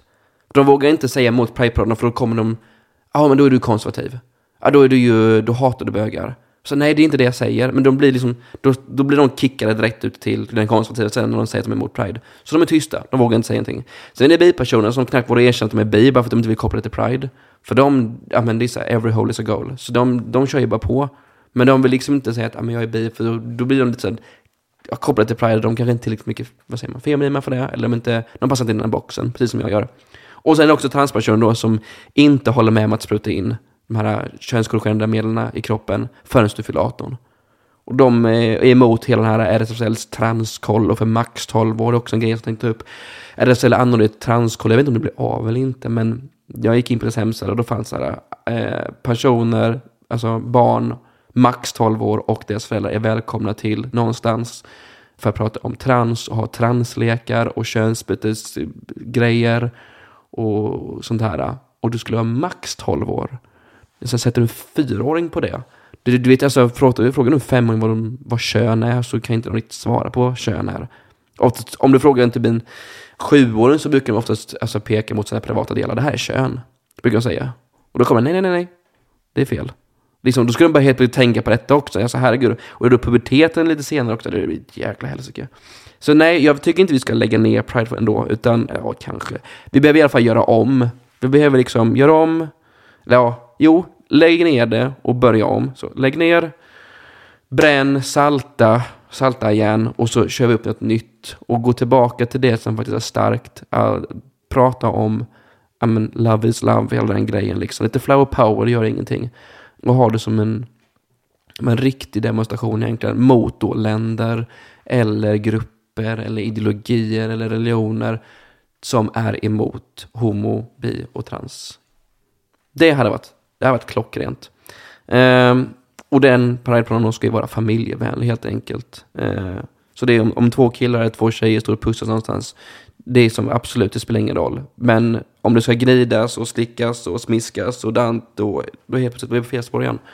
Och det är en självverklighet som man kan göra någon annanstans än i Pride-paraden. Det ska liksom fira kärlek, inte sex. Alright, jag ville bara ge dig liksom det utrymmet. Att liksom wrap the pride thing up. Mm. Um, mm, känns det, alltså, mm, finns det något mer? Som du känner att det här är också viktigt, det här vill jag ta upp. Det här är en del av min berättelse. Jag ska kika. Du behöver bara gå på känsla. Du behöver inte kolla på dina anteckningar. Nej, jag vet. Alltså, jag bara ser liksom- så det. För ibland är jag duktig på att skriva saker som jag vill. Får flika in om det är något du har snappat upp Joel. Ja. Jag är nyfiken på ehm, var har du hittat den här liksom, förmågan att så öppet kritisera och prata om hbtq-rörelsen och pride? Jag fann förmågan att kritisera just eh, Pride och eh, HBT-rörelsen i och med att det var ingen annan som gjorde det. Jag såg liksom nästan en öppen lucka och blev lite nyfiken. Okej, varför finns det ingen? För allt går att kritiseras. Alltså det, det mesta går att kritiseras, förutom kanske vetenskap. Även det ska kritiseras i många fall. Men jag såg att just den här grejen var ju, alltså, det var nästan som Messiah, det var som Divine, det går inte, du får inte kritisera den. Och då blir jag väldigt direkt här, och nu, nu ska jag, alltså jag kommer gå emot det här på alla håll bara för jag ska. För det måste göras. Um, och upptäckte då direkt ett, ett mothugg, uh, att det liksom fick inte kritiseras. Vilket fick mig att bli ännu mer intresserad av att kritisera det. Och jag tror det är bara, det kanske bara är någon sån här debatt tomten som sitter någonstans i mitt huvud som bara, det ska argumenteras, det ska delas ut. För alltså de flesta, vad säger man, framsteg har ju kommit via konversationer och debatter. Det är, så det är ingenting som bara just skapats och så är det liksom holy bara där liksom. Utan ju mer det kritiseras, ju mer åsikter som kommer in, desto bättre anser jag att det blir. Det ska komma in flera från flera håll. Det är det som verkligen är mångfald. Jag tror mångfald har bevisats väldigt många gånger, eh, både eh, samhällsvetenskapliga eh, utvärderingar och forskning att det är bra. Det är bra med, eh, med debatt, det är bra med argumentationer, om det, om det kommer fram till någonting. Det visar sig tvar, snarare tvärtom att det blir bara sörja av det om det helt enkelt inte får kritiseras. Jag är väldigt mycket för att det ska frias samt det ska vara öppet. Du kan kritisera precis vad som helst. Och om någon blir kränkt av det så är det inte mitt problem, det är ditt problem. För jag kan inte bli kränkt av någonting. Det är min filosofi. Du kan inte kränka mig, vad du än gör, om inte det är fysiskt kanske. Men då, du kan inte säga någonting som kränker mig. För jag måste välja det. Jag måste bestämma själv, okej nu blir jag kränkt. Men så länge jag inte bestämmer för det, då mm, jag är inte kränkt. Blir du kritiserad ofta? Ja, det är klart att jag blir kritiserad ofta. Men jag vill det. Det är klart jag vill det. Och det är så många gånger som jag har fel. Och herregud. Och herregud, det är så många gånger jag sitter i konversationer liksom och så pratar jag om någonting som jag tror jag vet väldigt mycket om och så kommer någon och verkligen så här, alltså verkligen trycker till mig och säger så du kan ingenting. Och då blir jag tystad. Men vad kul det är och då får jag också lära mig någonting. Så att det, jag, jag, absolut, men jag söker också att bli kritiserad. Eh, och jag försöker också att ta debatter, för väldigt många säger det här, men jag vill inte prata om någonting som jag inte kan. Jag vill säga, men om du inte drar upp ämnet då kommer ingen heller lära dig. Det finns massor saker jag inte vet någonting om. Herregud, jag är, jag är ingen allvetare på något sätt. Jag är väldigt långt ifrån det. Men, så jag tar alltid upp ämnen. Även om jag inte vet någonting om det. För då får vi ju faktiskt fram en debatt och får åsikter. Jag får lyssna på någon annan. Och sen så tar jag ju det direkt till hjärtat då, vad den personen säger. Det är inte så att jag liksom lyssnar på det direkt och säger så här, okej, det han säger är sanning. Men då har jag i alla fall en till åsikt jag kan reflektera om. Och sen kanske leta upp en mot, eh, motargument till det den personen sa. Lyfta fram det till en senare debatt och alltihopa. Så att jag tror att min Äh, mitt intresse, eller i alla fall passion då för att just kritisera Pride, det är för att det har inte varit kritiserat förr. Och sen framförallt då för jag såg rädslan hos folk att inte våga kritisera det. Och då blev jag direkt här, okej, okay, det, det, får inte hända i ett demokratiskt öppet samhälle som Sverige då ska presentera sig vara. Även om det är lite inte så öppet faktiskt som folk visar att det um, Det behövdes den debatten. Eh, och jag tog den och det är fler som har börjat ta den nu, men det är fortfarande väldigt tyst om det. Och jag tror det handlar om att konsekvenserna är för starka. Du, herregud, du kan förlora jobbet idag om du kritiserar Pride. Om du jobbar som liksom stat, statligt anställd, men på din fritid säger att ah, men jag tycker Pride är kast. Jag vill inte att mitt barn ska gå med det. det att du kan få sånt bakslag att du förlorar jobbet idag. Det är helt sant. Och det är också liksom, du, när du stämplar ut från ditt jobb, nu är det jätteberoende på vad du jobbar som, absolut. Men vid många tillfällen när du stämplar ut och går hem, så är det, då har du ditt privatliv tillbaka. Och då kan du tycka och tänka det mesta. Absolut, det finns ju lagar och regler så du kan inte vara überrasist eller nazist eller liknande. Men fortfarande, du ska lätt kunna kritisera Pride. Och kunna säga att nej, men det här, jag tycker den här utvecklingen har gått snett. Det var bättre förr. Så. Men det är ingen som vågar ta den debatten. Men eh, jag gör det. Och sen får folk tycka och tänka vad de vill. Det, och jag vill jätte, jättegärna att folk kommer och kritiserar mig och säger nej men absolut den här sexualiseringen är toppen. Barn har aldrig mått bättre.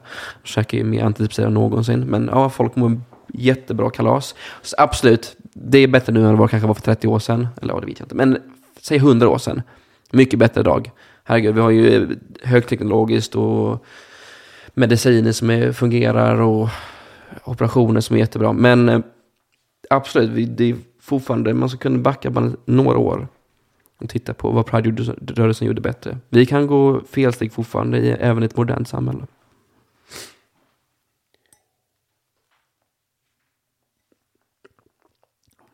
Det är heller inte homofobiskt att kritisera Pride. Det vill jag säga. Det är inte homofobiskt överhuvudtaget. Eh, även om jag blir kallad homofob. Det är, det är heller inte homofobiskt att kritisera en bög. För det är lite det, den nästan grundsynen det är liksom.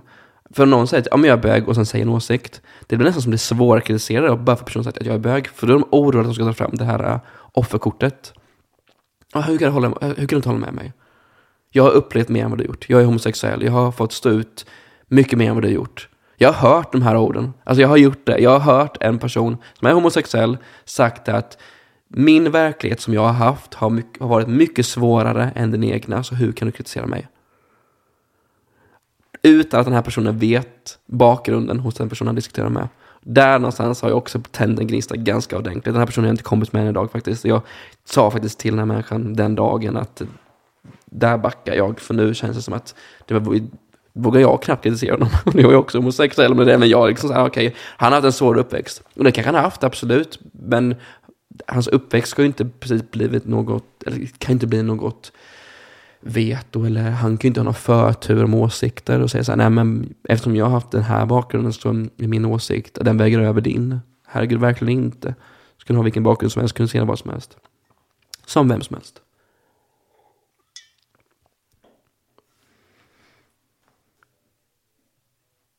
Men det är lite, och då kan man nästan gå tillbaka, om man backar till min bakgrund då. Eftersom jag sa att jag hade den perfekta bakgrunden, att jag har haft föräldrar som varken pushat eller motsatt. Idag så växer ju nog barn mer upp i Sverige med en antingen för pushad eller tvärtom en för motståndig uppväxt.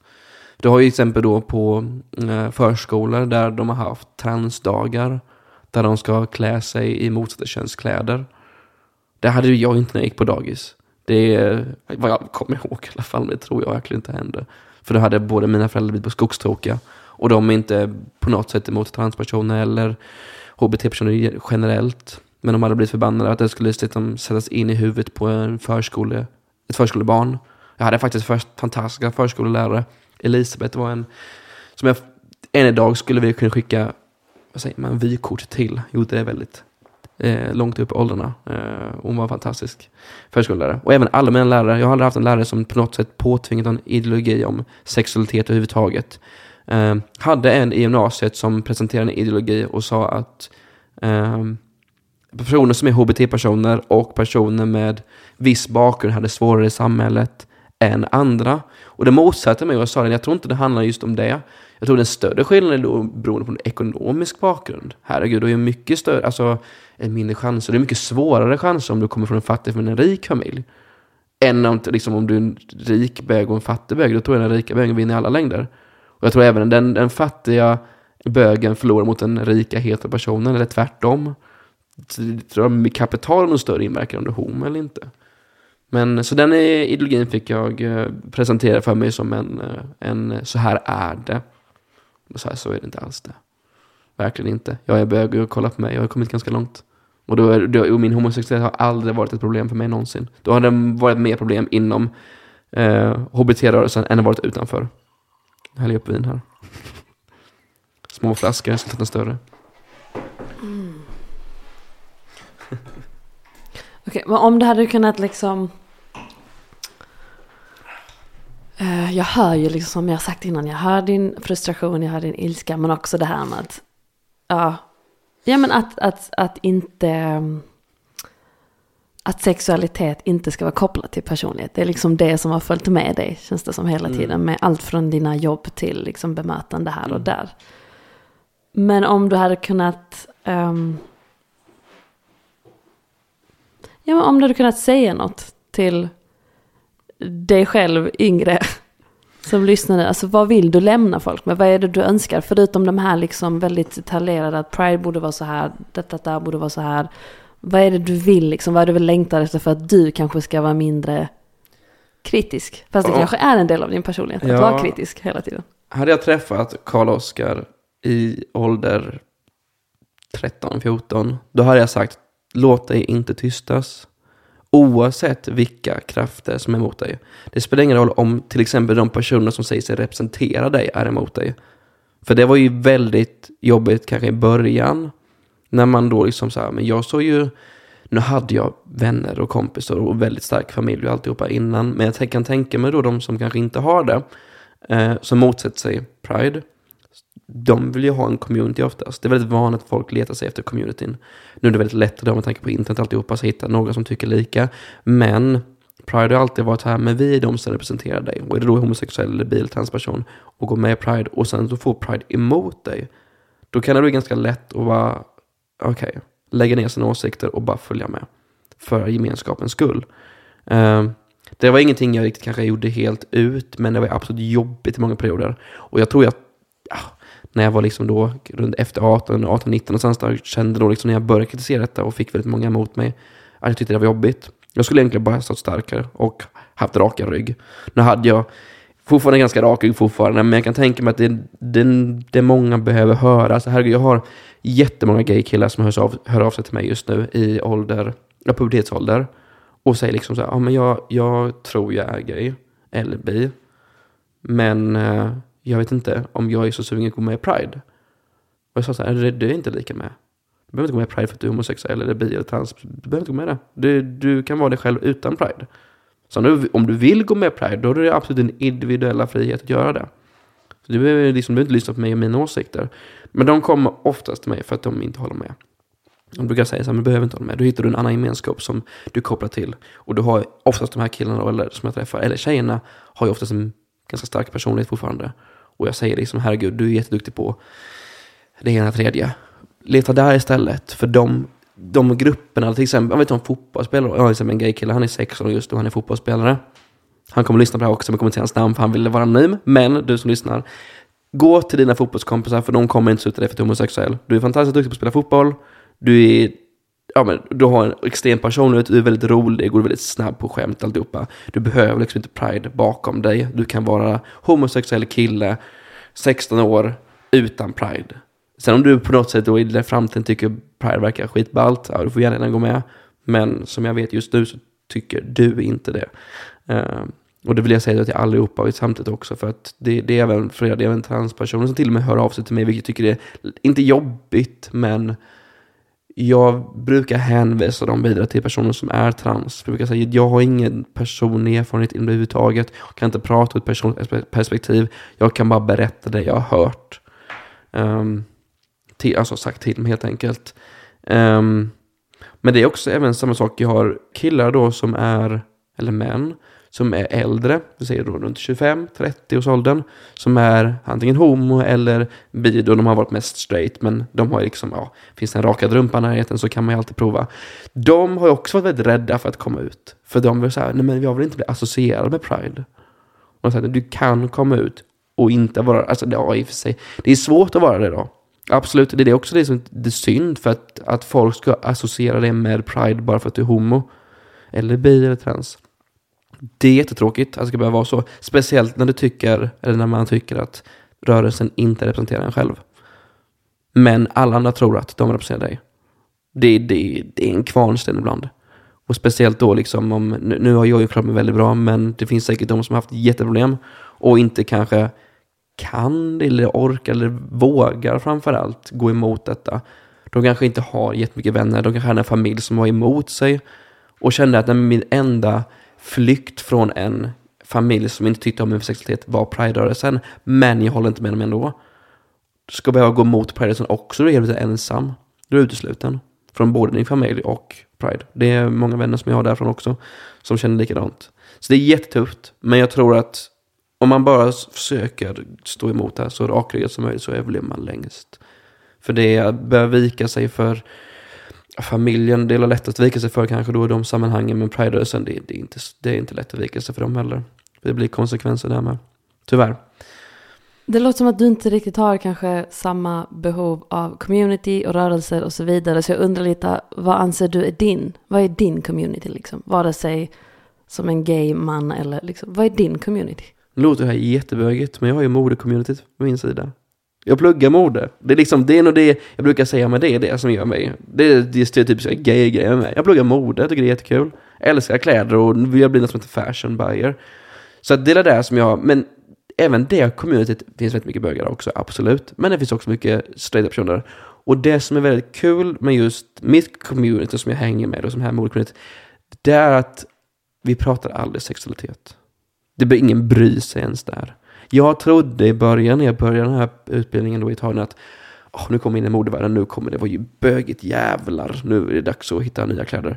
Så att, men inte alls, tvärtom. Det var väldigt så här, ja, nu är ju folk ganska stressade i den branschen, så man har inte tid att fokusera på något annat än jobb. Men ändå, även på festerna så har de liksom inte brytt sig. Det finns de som är väldigt flamboyant, väldigt feminina bögar, de har både hårförlängningar och nu ser nästan mer ut som kvinnor. Men de är bögar. Och till och med dragqueens. Men det är ingen som bryr sig om det. Det är som jätteballa människor, kul att festa med, kul att umgås med privat utan, utanför fester också givetvis. Men sexualiteten blir liksom ingen grej. Och det älskar jag. Och det är precis det som jag är ute efter. Sen finns det säkert de som har sin sexualitet som deras stora persona, så det finns de också. Jag har ju sett personer då på eh, alltså, vår Instagram och Snapchat som är väldigt stereotypiskt gay. Men jag undrar ofta om det inte är något som de låtsas vara. Jag säger inte att de saknar personlighet, men jag säger kanske att deras personlighet inte väger upp lika mycket. De är inte lika omtyckta. Det kan vara så att de är ganska, ja men man kan vara ganska tråkig som person. Det är okej att vara tråkig idag. Du kanske tycker, jag sitter hellre hemma med min gråa katt och läser Nietzsche eller Kant eller barnens bibel. Alltså, du kan göra det idag.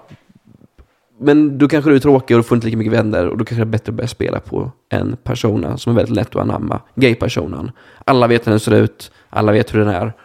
Och den är väldigt uppskattad i både media och i Pride-paraden givetvis. Och går du på gayklubb så är det alla som känner igen men han är den stereotypiska bögen liksom. Får verkligen, ja, han får både vänner och fiender, men han får i alla fall vänner. Och kan man anamma det ganska rätt. Jag vet inte, jag har ju provat det någon gång, men jag är så dålig på det. Faktiskt. Okej.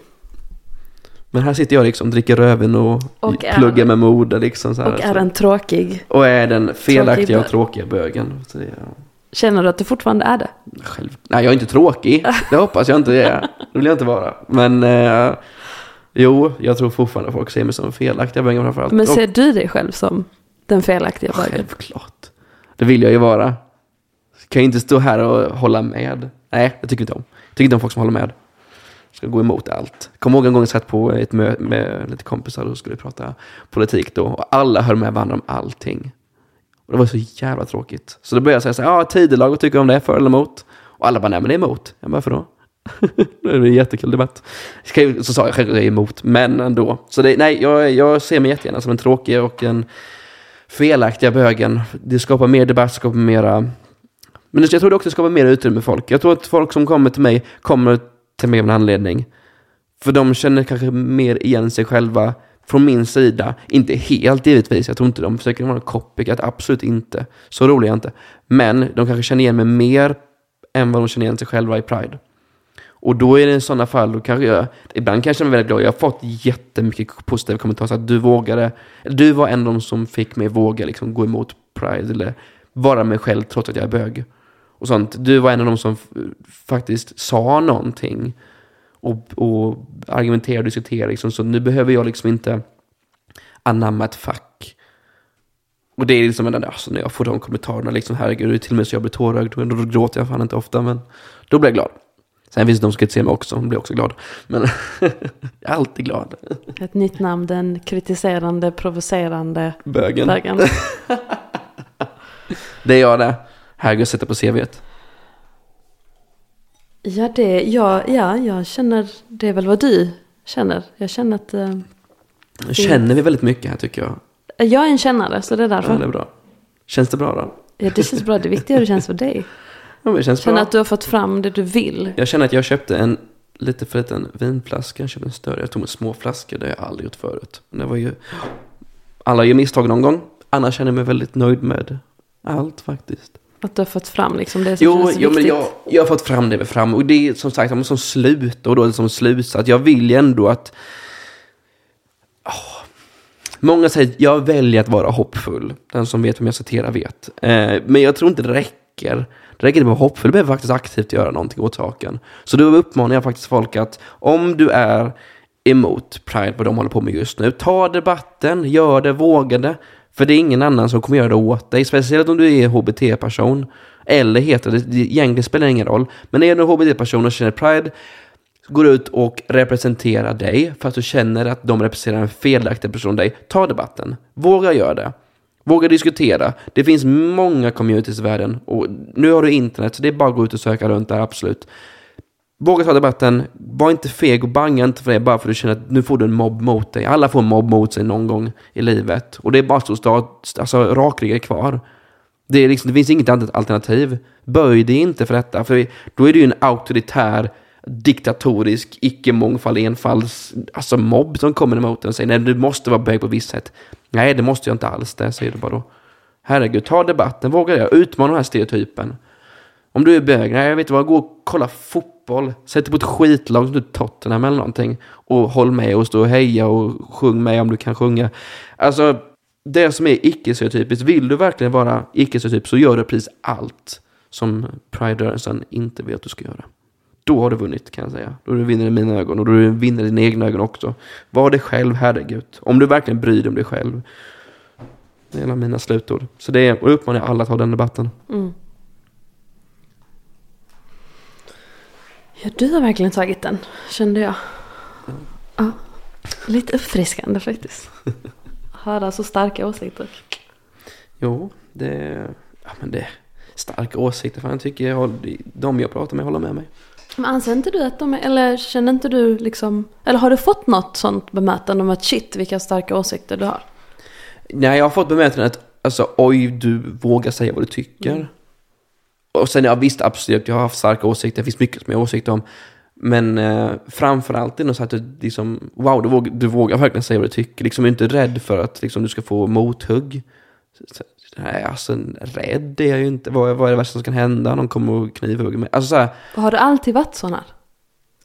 ja, jag har nog alltid varit det. Eller jag vet, Det Alltså, alltså, inte handlar om gayfrågan bara allmänt liksom. Har du, ja, allmänt. är det en del av din personlighet liksom? Ja, det är nog en del av min personlighet. Det har jag nu fått från både morsan och farsan. Liksom. Båda de, de, alltså, när de tycker, då, då trycker de till. Av en liten anledning. Så att eh, det kommer från både ja, mamma har starka åsikter och pappa har starka åsikter. Och liksom, de viker sig verkligen inte för att säga vad de tycker och tänker. Och jag har blivit uppfostrad på precis samma sätt. Det är liksom att jag, jag har aldrig riktigt förstått det här med tiga. Det har jag aldrig förstått. Det, liksom, det tycker jag, det låter det är hemskt. Det är den värsta orden jag vet, det är tiga. Och då kommer och säger tig till mig, vet, då, då blir, det, då blir jag arg. Men det, det har aldrig hänt. Men om det skulle hända, det är nog det värsta de kan komma och säga till mig. Tig. Det låter, nej, det är riktigt fult. Wow. Ja, visst är det? Inte riktigt fult tig nu? Alltså det är verkligen det. Det är som när man ska ner på knä och börja liksom, alltså vad säger man, buga, inget annat. Alltså framför dem. Nej. Så det är, det är de värsta orden jag vet, det är tig. Jag tror det är, och det är, tror min, det kommer nog mest från min mamma, för jag tror hon har nämnt det också någon gång. Så här liksom, för det är något som min mamma hatar, är niga. Och det har min mormor nämligen sagt till henne, så ska du niga nu. Nig nu när det kommer personer med status. Mamma bara så fuck you. Niger inte, vem är du? Så det är lite, ja. Och pappan säger vad han tycker och tänker också. Alltid, och alltid gjort så att. Ja men det är nog uppfostran. Måste jag säga. Och det är därför jag säger det. Jag har perfekt uppfostran. Jag, tror jag. Jag vill ändå säga det. att jag har haft. De kommer lyssna på det här också. Så att hej mamma pappa. Ja, det var intressant. Ja, men du har ju verkligen någonting i dig som Joel också snackade om. Mm. Du har någonting i dig som är liksom någon kraft som bara okej, let's go. Fuck this. Glöd. Mm. Eller något, jag vet inte. Men jag tror man vinner på den längden också. Gör man inte det? Alltså, man ska helt plötsligt börja böja sig för vad andra tycker och tänka. Fan, det blir ingenting av ändå. någon gång måste du skaffa dig liksom en egen personlighet och egna åsikter överhuvudtaget. Liksom så här, kan inte gå runt och hålla med om alltihopa. Då är, då är det ju liksom, man brukar säga att jag är en grå person, men då blir man ju verkligen, alltså, du är ju vägg, och ingenting mer än vägg liksom. Bara tar och tar och tar, inget annat. Så nej, nej. För mig. Ingen vägg. Det roliga var ju att det var en, det var under samband med när vi skulle planera in det här mötet så såg jag en annan kille från Centerpartiet som hade gått ut och skrivit någonting om Pride-rörelsen. Och det är första gången jag ser i Sverige att någon går ut och faktiskt aktivt skriver alltså mot Pride-rörelsen. Så jag känner att jag är lite rånad, för jag trodde det här skulle vara min grej. Men jag får väl vara nummer två på bollen då. Jag har aldrig varit bra på fotboll så att det gör ingenting. Nej, Jag tänkte precis fråga om, om det inte hade varit tvärtom. Att du känner, har du, har du någon vilja och önskan om att fler ska ansluta i det du gör? Alltså att ni är fler som... Alltså inte till mig, nej. inte de till är väl- dig, nej, men inte i det du gör. Ja, om de känner så. Om de själva, om de håller, om någon alltså, sitter och håller med mig, tycker, tycker likadant eller känner igen sig i, i någon procent av det jag tycker, så tycker jag absolut de ska gå ut och liksom känna vid det. Och gå emot, om man ser det stereotypen eller det, och anamma sin egen åsikt, absolut. Liksom så här, och är man rädd då för att man ska bli motargumenterad, men leta upp lite information om det du tycker och tänker, samla på det, du, gör din egna research liksom och kör. För du snackar om att du är i skottlinjen. Mm. När du hamnar i sådana här mellanfacken. Är Att, att finns det en önskan av att liksom komma ifrån det. Och bara vara en del av hela det, det jag försöker komma åt. Ja, men jag är nog lite masochist där, för jag tycker det är gött att vara skottlinjen. För då kan jag debattera med båda två. Men det är nog bara jag. Det finns nog jättemånga, ja, alltså på samma sätt så om man kollar på samhällsnivå så skulle det vara jättebra om man anammade båda sidorna. Och att det inte fanns någon skottlinje. Givetvis. Eh, och det är det jag arbetar för. Eller vill liksom se till att det händer. Att Pride-rörelsen på den sidan då, jag säger vänster utan att prata politiskt, eh, slutar upp med den här sexualiseringen. Så de kan droppa det här arroganta, naiva och kontraproduktiva och ta en debatt med den konservativa sidan för att komma fram till en lösning. Och liksom helt enkelt bevisa att, ja, men herregud, det är bara en sexualitet, det är en sån liten grej för en personlighet. Det här varit det bästa som skulle hända. Sen att jag sitter och njuter av att kunna ta debatten med båda, det är en annan grej. Men det är ju, jag tror det är nödvändigt och det är, jag hoppas och jag önskar att det är fler som vågar ta debatten mellan båda linjerna. För att visst, nu har jag suttit här och kritiserat Pride och det, det kommer jag göra tills det blir bättre. Men jag skulle lätt kunna sitta och kritisera den konservativa sidan också lika mycket. Det gör jag nämligen i Italien ganska mycket när jag hamnar i debatter där. Det finns som säger så här, nej men jag tror på att eh, det är bättre mellan man och kvinna. Bla bla bla. Och då, då tar jag en hel den debatten. Så liksom, det finns liksom ingen bevis eller vetenskaplig utforskning för detta heller. Så att, ja, men det är en annan debatt att säga. I Sverige så tror jag det är bättre att ta debatten när det kommer till just Pride. Att den är lite för extrem. Ehm, för att just kunna bemöta då den andra sidan. För att kunna skapa ett, ett bättre samhälle för de som är i skottlinjen. Och så helt enkelt, för det är också det man ska hinna säga, för det är jättemånga som säger att det är en liten del av Pride-rörelsen, men det är fortfarande Pride-rörelsen accepterar dem. De här BDSM-strap-on eh, och dildos-dansarna, de är fortfarande välkomna. Om Pride har bara sagt att men, vi försöker ha en familjevänlig fokus på kärlek och intersex-parad, Då är det klappat och klart. Då är det färdigt. Då är det bara, ja färdigt är det inte, men nästa steg är egentligen att de ska välkomna allihopa, förutom just de som sexualiserar då helt enkelt. Um, för det är det enda människan har valt. De har ju valt att exkludera åsikter och inkludera då uh, de som sexualiserade sig. Så det är tyvärr en sida som de har valt fel. Men det går ju att ändra sig. Absolut. Det finns stort hopp om det. Har vi allt eller? Nej, men jag känner så, men det viktiga är vad du liksom. Mm. Din berättelse. Du har ändå lyft fram det mesta vi har pratat om i alla fall. Jag var sitter och kollade på mina notes. Det har skrivit så här, vad ska vi prata om idag? Gay community, RSL, Pride och, an- och annat regnbågsjippo. Jag fattar inte vad arg jag är. Jag Ja, skrev men att du är arg, precis. Det finns men en det- ilska där. Ja, det finns en ilska. Givetvis finns en ilska. Det är en personlig ilska, herregud. Alltså, Ja, men ju- jag, jag, jag tänker vi har inte än, jag känner inte att vi liksom har nuddat den helt. Den där Mm. ilskan. Jag, jag är svår person att komma in på. Nej, men jo, men... Har vi inte det? Eller det kanske vi har, jag vet inte, det kanske bara min upplevelse. att det finns en, jag, jag, vet, jag ser ju ilskan, den är jättetydlig, men det är som att jag inte riktigt... Ja men det är så här, hur kul det blir exotifierad. Alltså man bara... Det har jag till exempel med min ex-kille, han sökte ju in till massa sådana här universitet. Och det var någonstans i Tyskland, då hade jag sett om de, de söker efter folk som är på ett visst, alltså har en viss, antingen hudfärg eller sexuell läggning. För de vill ha en mångfald.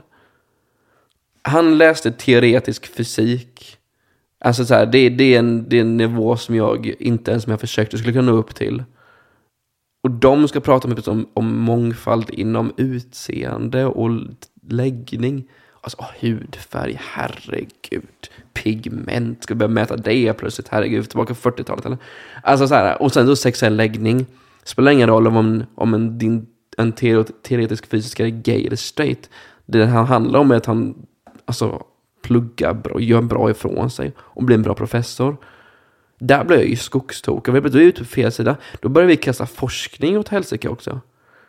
Det kan vi inte börja göra. Herregud, nej. Alltså, framförallt, jag hade ju aldrig, aldrig i mitt liv, inte ens om jag fick en drömutbildning, kunnat gå med på att få den här utbildningen på grund av min läggning. Jag blev förbannad. För då hade, jag, då hade jag verkligen känt mig dum i huvudet. Alltså så här, nu har jag bra betyg i universitetet. Jag har väldigt bra betyg faktiskt. Jag har ju pluggat väldigt hårt. Men om jag till exempel då blir utkonk eller jag utkonkurrerar en annan kille som är hetero, som har bättre betyg än mig, på grund av att jag är gay. Då det hade jag aldrig kunnat acceptera. Aldrig i mitt liv. Jag hade inte kunnat svälja det. För jag har hela tiden levt med vetenskapen om att jag blev inte vald på grund av min kunskap. Jag blev vald på min sexuella läggning. Kunskap kan jag förändra. Min sexuella läggning kan jag inte förändra. Kunskap, jag kan alltid bli smartare. Jag har väldigt mycket, lång väg att gå för att bli smartare. Kan aldrig bli för smart. Men då liksom så här, ja men säg du får in en internship då, nu söker jag mycket internship just nu. Om jag skulle få, ja men du för du är gay, alltså jag hade ju nekat den direkt. Alla livet, för då vet jag vad det är för jävla patrask som sitter där och pysslar med de här ansökningarna. Det här har aldrig gått. Så det, alltså det, där blir jag nog mer arg. Än om de säger så här, om jag, visst, det är samma sak om de säger att du får inte den för att du är gay, då hade jag blivit förbannad också. Liksom så här, herregud, det, ska det betyda någonting? Vill säga att jag har bättre betyg än någon annan, men han får att han är straight. Det är samma ilska, men jag, jag känner själv att i den världen som jag lever i så är det mycket mer vanligare an, än att du får anställning eller någon form av profit för att du är gay än att du är straight. För det är så långt vi har kommit i väst. För Pride-rörelsen hela tiden spyr på det här och gay-communityn helt enkelt, skulle det vara en, en, en merit att vara homosexuell. Och det, det, det, det är inte bra. Även om det på något sätt skulle gynna mig så är jag inte för det. Jag tänker på alla heta personer liksom, jag har inte en chans. Om man varit hetero liksom sökt in någonstans, nej nu är det två grejer killen som söker, jag kommer ju vara tredjehandsvalet bara för att jag är hetero. Även om jag utkonkurrerar dem i allt jag gör. Det är liksom, och då helt plötsligt om de börjar klaga, är du homofob? Alltså, alltså tack för den. Herregud, pluggat hela livet. Nu var ju, ja, nu är det mitt ex fortfarande, men jag vet att han sökte in på utbildning. Han kom ju in på en av dem. Eh, och jag tror han är kvar där just när han tog det tåget givetvis för att oh, om, man ska, om man är lite halvsjälvisk så då gör man ju det. det hade jag, jag hade också kunnat göra det tåget. Absolut. Jag hade bara kunnat söka in till, jag hade bara kunnat leta efter utbildningar där det, det finns någon sån här kriterier där man ska skriva in sin sexualitet. Det vet jag att han gjorde, han skickade det till mig. Att han hade fått det här när han sökte in hans sexualitet. Varför bryr sig ett universitet om en sexualitet för? Vad är anledningen? Vad är, vad, hur påverkar det situationen? Varken positivt eller negativt. Men då kommer det fram till att de vill ju ha en mer mångfald. Nej, det är inte mångfald. Det är bara ni som inte vet vad mångfald betyder. Och det är ett universitet som börjar bli lite orolig. Och det är, ja. I åsikter, det är mångfald. Men i hudfärg ska vi inte ens diskutera, det är så pinsamt. Men när det kommer till sexualitet är det, ja, det är också lika pinsamt. Så att nej, det, där har en ilska, alltså en riktig grov ilska mot det. För det, det, då är det ju verkligen diskriminering på något sätt. Sen är det kanske inte jag som blir diskriminerad. För det är en annan då som blir diskriminerad på grund av att den inte är homo eller någonting. Men det, jag blir lika arg för det. Verkligen. Du får ta mitt eh, om du... nej, det, nej, nej, det kan jag inte göra. Ja. Nej men okej. Jag blir nästan arg här. Mm. Du, du säger att du, du tycker om att vara i skottlinjen. Så, eh, och du angriper det här med din ilska och kritisera. Hur går det, tycker du? Oj. Med tanke på att det är väldigt många som hör av sig till mig som homo, bi, trans, hetero allihopa, hela spektrumet. Um, och antingen tacka mig eller kritisera mig för, för det jag säger skulle jag ändå säga att mitt arbete går framåt. Men sen är det samma sak, så jag har ju inte, alltså jag har ju en ambition, alltså jag har ju flera ambitioner samtidigt. Herregud, nu är jag i Italien och jag pluggar jättemycket just där nu och har liksom hela min karriär att kunna fokusera på. Så att när det här kommer då, och pratar om sexualitet och allt detta, det, det, blir lite sekundärt, tyvärr. Jag skulle vilja engagera mig mer i detta, givetvis. Men då har jag nästan börjat komma tillbaka till Sverige och bli politisk. Och då väljer jag faktiskt mina personliga preferenser och säger att nej, men jag vill inte vara i Sverige. Jag vill vara i Italien. Jag, vill ha, jag, jag ser min framtid mer där. Men mitt arbete, det, jag har ju tagit så lätt på det. Visst, jag har ju suttit och twittrat lite och kommenterat lite på Instagram-inlägg och tagit debatter givetvis och suttit med i små mediaforum och liknande. Eh, diskuterat på allmän plats hittills också. Eh, det är kul när man får kommentarer men det, arbetet, det är för lite skulle jag säga, fortfarande reaktioner för att det skulle kallas ett arbete. Sen hoppas jag givetvis att så många liksom, som jag pratar med, diskuterar med och, och skriver ut till, ser och hör. För att de själva ska kunna våga ta debatten. Det är nästan jag uppmanar många andra att ta debatten än mig själv. Och det är också varför jag vill inte sitta som någon herre på täppa-grej. För det, det, vill jag verkligen inte göra. Det är folk som kommit till mig och, så här och alltså, till och med citerat mig i vissa sammanhang.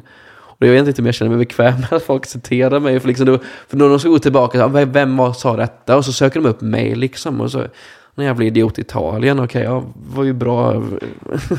alltså, det är, ja, nej, jag uppmanar nog fler att ta debatten än att liksom lyssna på mig.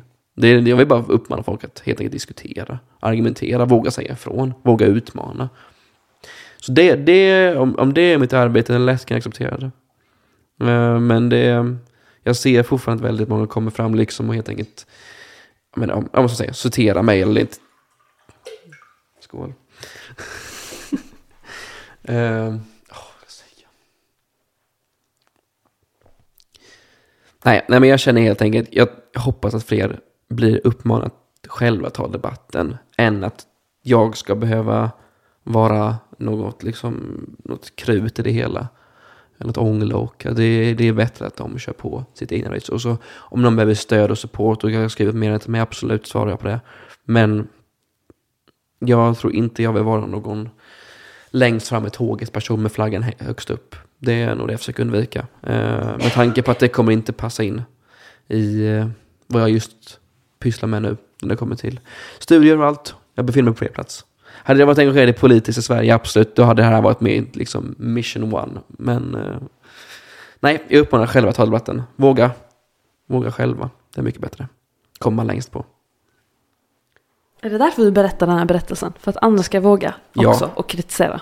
Absolut. Jag tror det är mitt, vad säger man, final statement. Det är att uppmana alla andra att om folk tycker antingen emot eller för eller liksom så här, håller med mig eller inte om man gör vilket, vad deras, vad ska säga?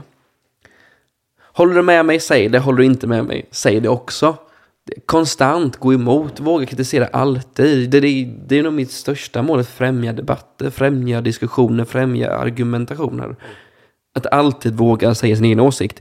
Det spelar ingen roll hur lite du vet. För många känner sig någon, de känner någon form av de är avskräckta för de, jag vet för lite. Och det kanske är positivt liksom, att känna så. Liksom, ah, jag kanske borde tänka eller söka upp lite mer information innan jag yttrar mig. Men sen samtidigt nej. Yttra dig eller säg någonting. Och våga acceptera att du kanske har fel i det hela. För jag har alltid fel. Jag har mer fel än vi har rätt. Så det är så här, det, det är bara att köra vidare och så inte och våga ha fel. Herregud, för får du liksom en knäpp på näsan så är det ju bara att gå tillbaka och liksom ta in det personen har sagt bli inte arg och ta inte personligt på något sätt, även om det är dina personliga åsikter. För oftast när en person säger ifrån eller säger emot så handlar det inte om personangrepp. Det är snarare åsiktsangrepp. Åsiktsangrepp är väldigt välkommet, oavsett vad det handlar om. För det handlar om vad fan som helst. gå emot mig alla dagar i veckan. Liksom så här, för jag bemöter gärna. Och det är det jag uppmanar också, att folk vågar möta argument, vågar diskutera vid tidigt stadie, vid sent stadie, alltid. Hellre, för sent, hellre tidigt än för sent. Givetvis. Kritisera, inkludera, säg det. Exakt. Kritisera, inkludera, säg det. Det är väldigt bra. Mm. Och även de som är, vad säger man, gay-karaktärer, deras persona är jättelikt den stereotypen. Nej men jag älskar, alltså det är min persona att vara gay. Jag har ingen annan personlighet, alltså det är min starkaste sida. Liksom såhär, men kör på det. Herregud, kör all in på det. Det är bara när det kommer till Pride-rörelsen eller RFSL, liknande, det är lite smet, då smetar din personlighet ut sig över andra och vad de tycker. Och du säger att bara för att jag kritiserar det du håller på med så får inte jag vara den jag vill. Du får vara för precis vem du vill, men du kanske ska välja rätt forum. Det kanske inte är så himla smatt. Alltså det, det, det är samma sak, herregud, nudister. Vi går inte till nudister och säger så här, men du får vara vem du vill. Du får jättegärna svänga med snarare precis vad du vill. Prova Liseberg, alltid roligast. Eller kan, vad säger man, Gröna Lund. Alltså det är så här, de får ju vara där de ska vara så att säga, liksom, där det är legitimt. Men då är det folk som säger, men jag är jättegay, jag älskar drag, jag håller på själv med drag, jag sminkar mig, jag går i högklackat, jag går i kjol, strumpbyxor, nätbyxor och, och mest kvinnliga kläder. Jag shoppar bara på damavdelningen på H&M. Du får jättegärna mer än allt annat. Verkligen ingen, varken jag eller någon annan ska kunna stoppa dig för att vara den personen. Men om någon kritiserar en form av sexualisering så ska man ta det på allvar. Och inte se det som en personlighet grej. Det är lite det jag försöker också säga. Så det är inte så att jag kritiserar folk att inte klä sig feminint. Herregud, kör på. Ingen skulle kunna stoppa det för att du klär dig på ett visst sätt. Det är bara så länge det är legitimt. Både enligt lag och ja, moraliskt kan man prata en helt annan sak om. Men ja, du kan inte springa ut med strap-on och dildo på huvudet på gator och torg. Det finns jättebra andra ställen man kan göra det på. Kan bara skriva till mig, jag har en massa tips. Florens till exempel. Italien. Ja, precis. Välkommen till Italien. Där är allt händer. Kultur på dagen och sexliv på natten. När du har fått um, kritisera lite och tänka och tycka, hur känns det? Alltså här och nu? Ja, men det känns jättebra. Det känns som jag har inte följt någonting som jag har velat. För. Jag har ju följt det givetvis, men jag har givetvis... Jag har fått ut det jag vet säga, så att säga. Allting, verkligen. Um, ja. Det... Jag tänkte fråga liksom, är det... Jag tänkte säga, men har det känts liksom jobbigt eller lätt att liksom ändå vara så öppen och kritisera? Men det känns som att det är en del av den du är. Så det kanske är det vardag för dig. Man ska ju acceptera den man är. Alltid. Och alla ska acceptera dig för den du är. Nej, jag har alltid... Nej, det har ju klart inte alltid. Det, är, det har varit jobbiga, eller jobbiga, det har ju varit perioder jag inte vågat säga vad jag tycker och tänker. Speciellt suttit i forum där alla tycker helt olika. Då kanske man inte vågar säga så mycket. Men nej, nu på senare år. Jag har ju insett liksom så att det, om jag sitter och håller med hur mycket som helst så blir det ingenting av mig. Och framförallt så tycker folk att jag är väldigt tråkig. De sitter bara och håller med hela tiden. Nej, det blir jag ingenting. Det blir inga debatter, det blir inga agitationer, det blir ingenting. Det är snarare jag har fått fler vänner jag börjar gå emot folk. För då börjar folk tycka det är roligt. Och det, man får lite rätt sorts folk med sig också. För när man sitter som en ja-sägare så brukar det oftast vara en talesperson. Och så brukar man då sitta och diskutera de här grupperna, vem det är som får tala egentligen. Och så sitter de flesta och håller med och vågar inte säga någonting. Och då blir det bara att alla sitter och kletar på en person helt plötsligt. Nej, det är mycket roligare om man sitter liksom tio pers och ingen håller med någon. Alla är emot alla. Men man kan kunna skilja på åsikter och vara en vän fortfarande. För det, det är något som är väldigt viktigt fortfarande, att man ska kunna sitta och ta glas vin med någon, inte kunna hålla med om allt, diskutera det man inte håller med om och ändå kunna gå därifrån som vänner. Behöver liksom inte bli fysiskt, verkligen inte. Det skulle jag aldrig, skulle jag aldrig uppmuntra till. Uh, det kan till och med bli som att man står och skriker på varandra, men fortfarande skålar. Herregud, jag är med i min Målig samling, vi har jättemycket olika åsikter där. Jag har stått och skrikit på flera personer som är med där liksom och håller inte med om allt. Men vi är fortfarande, många av dem är fortfarande väldigt goda vänner.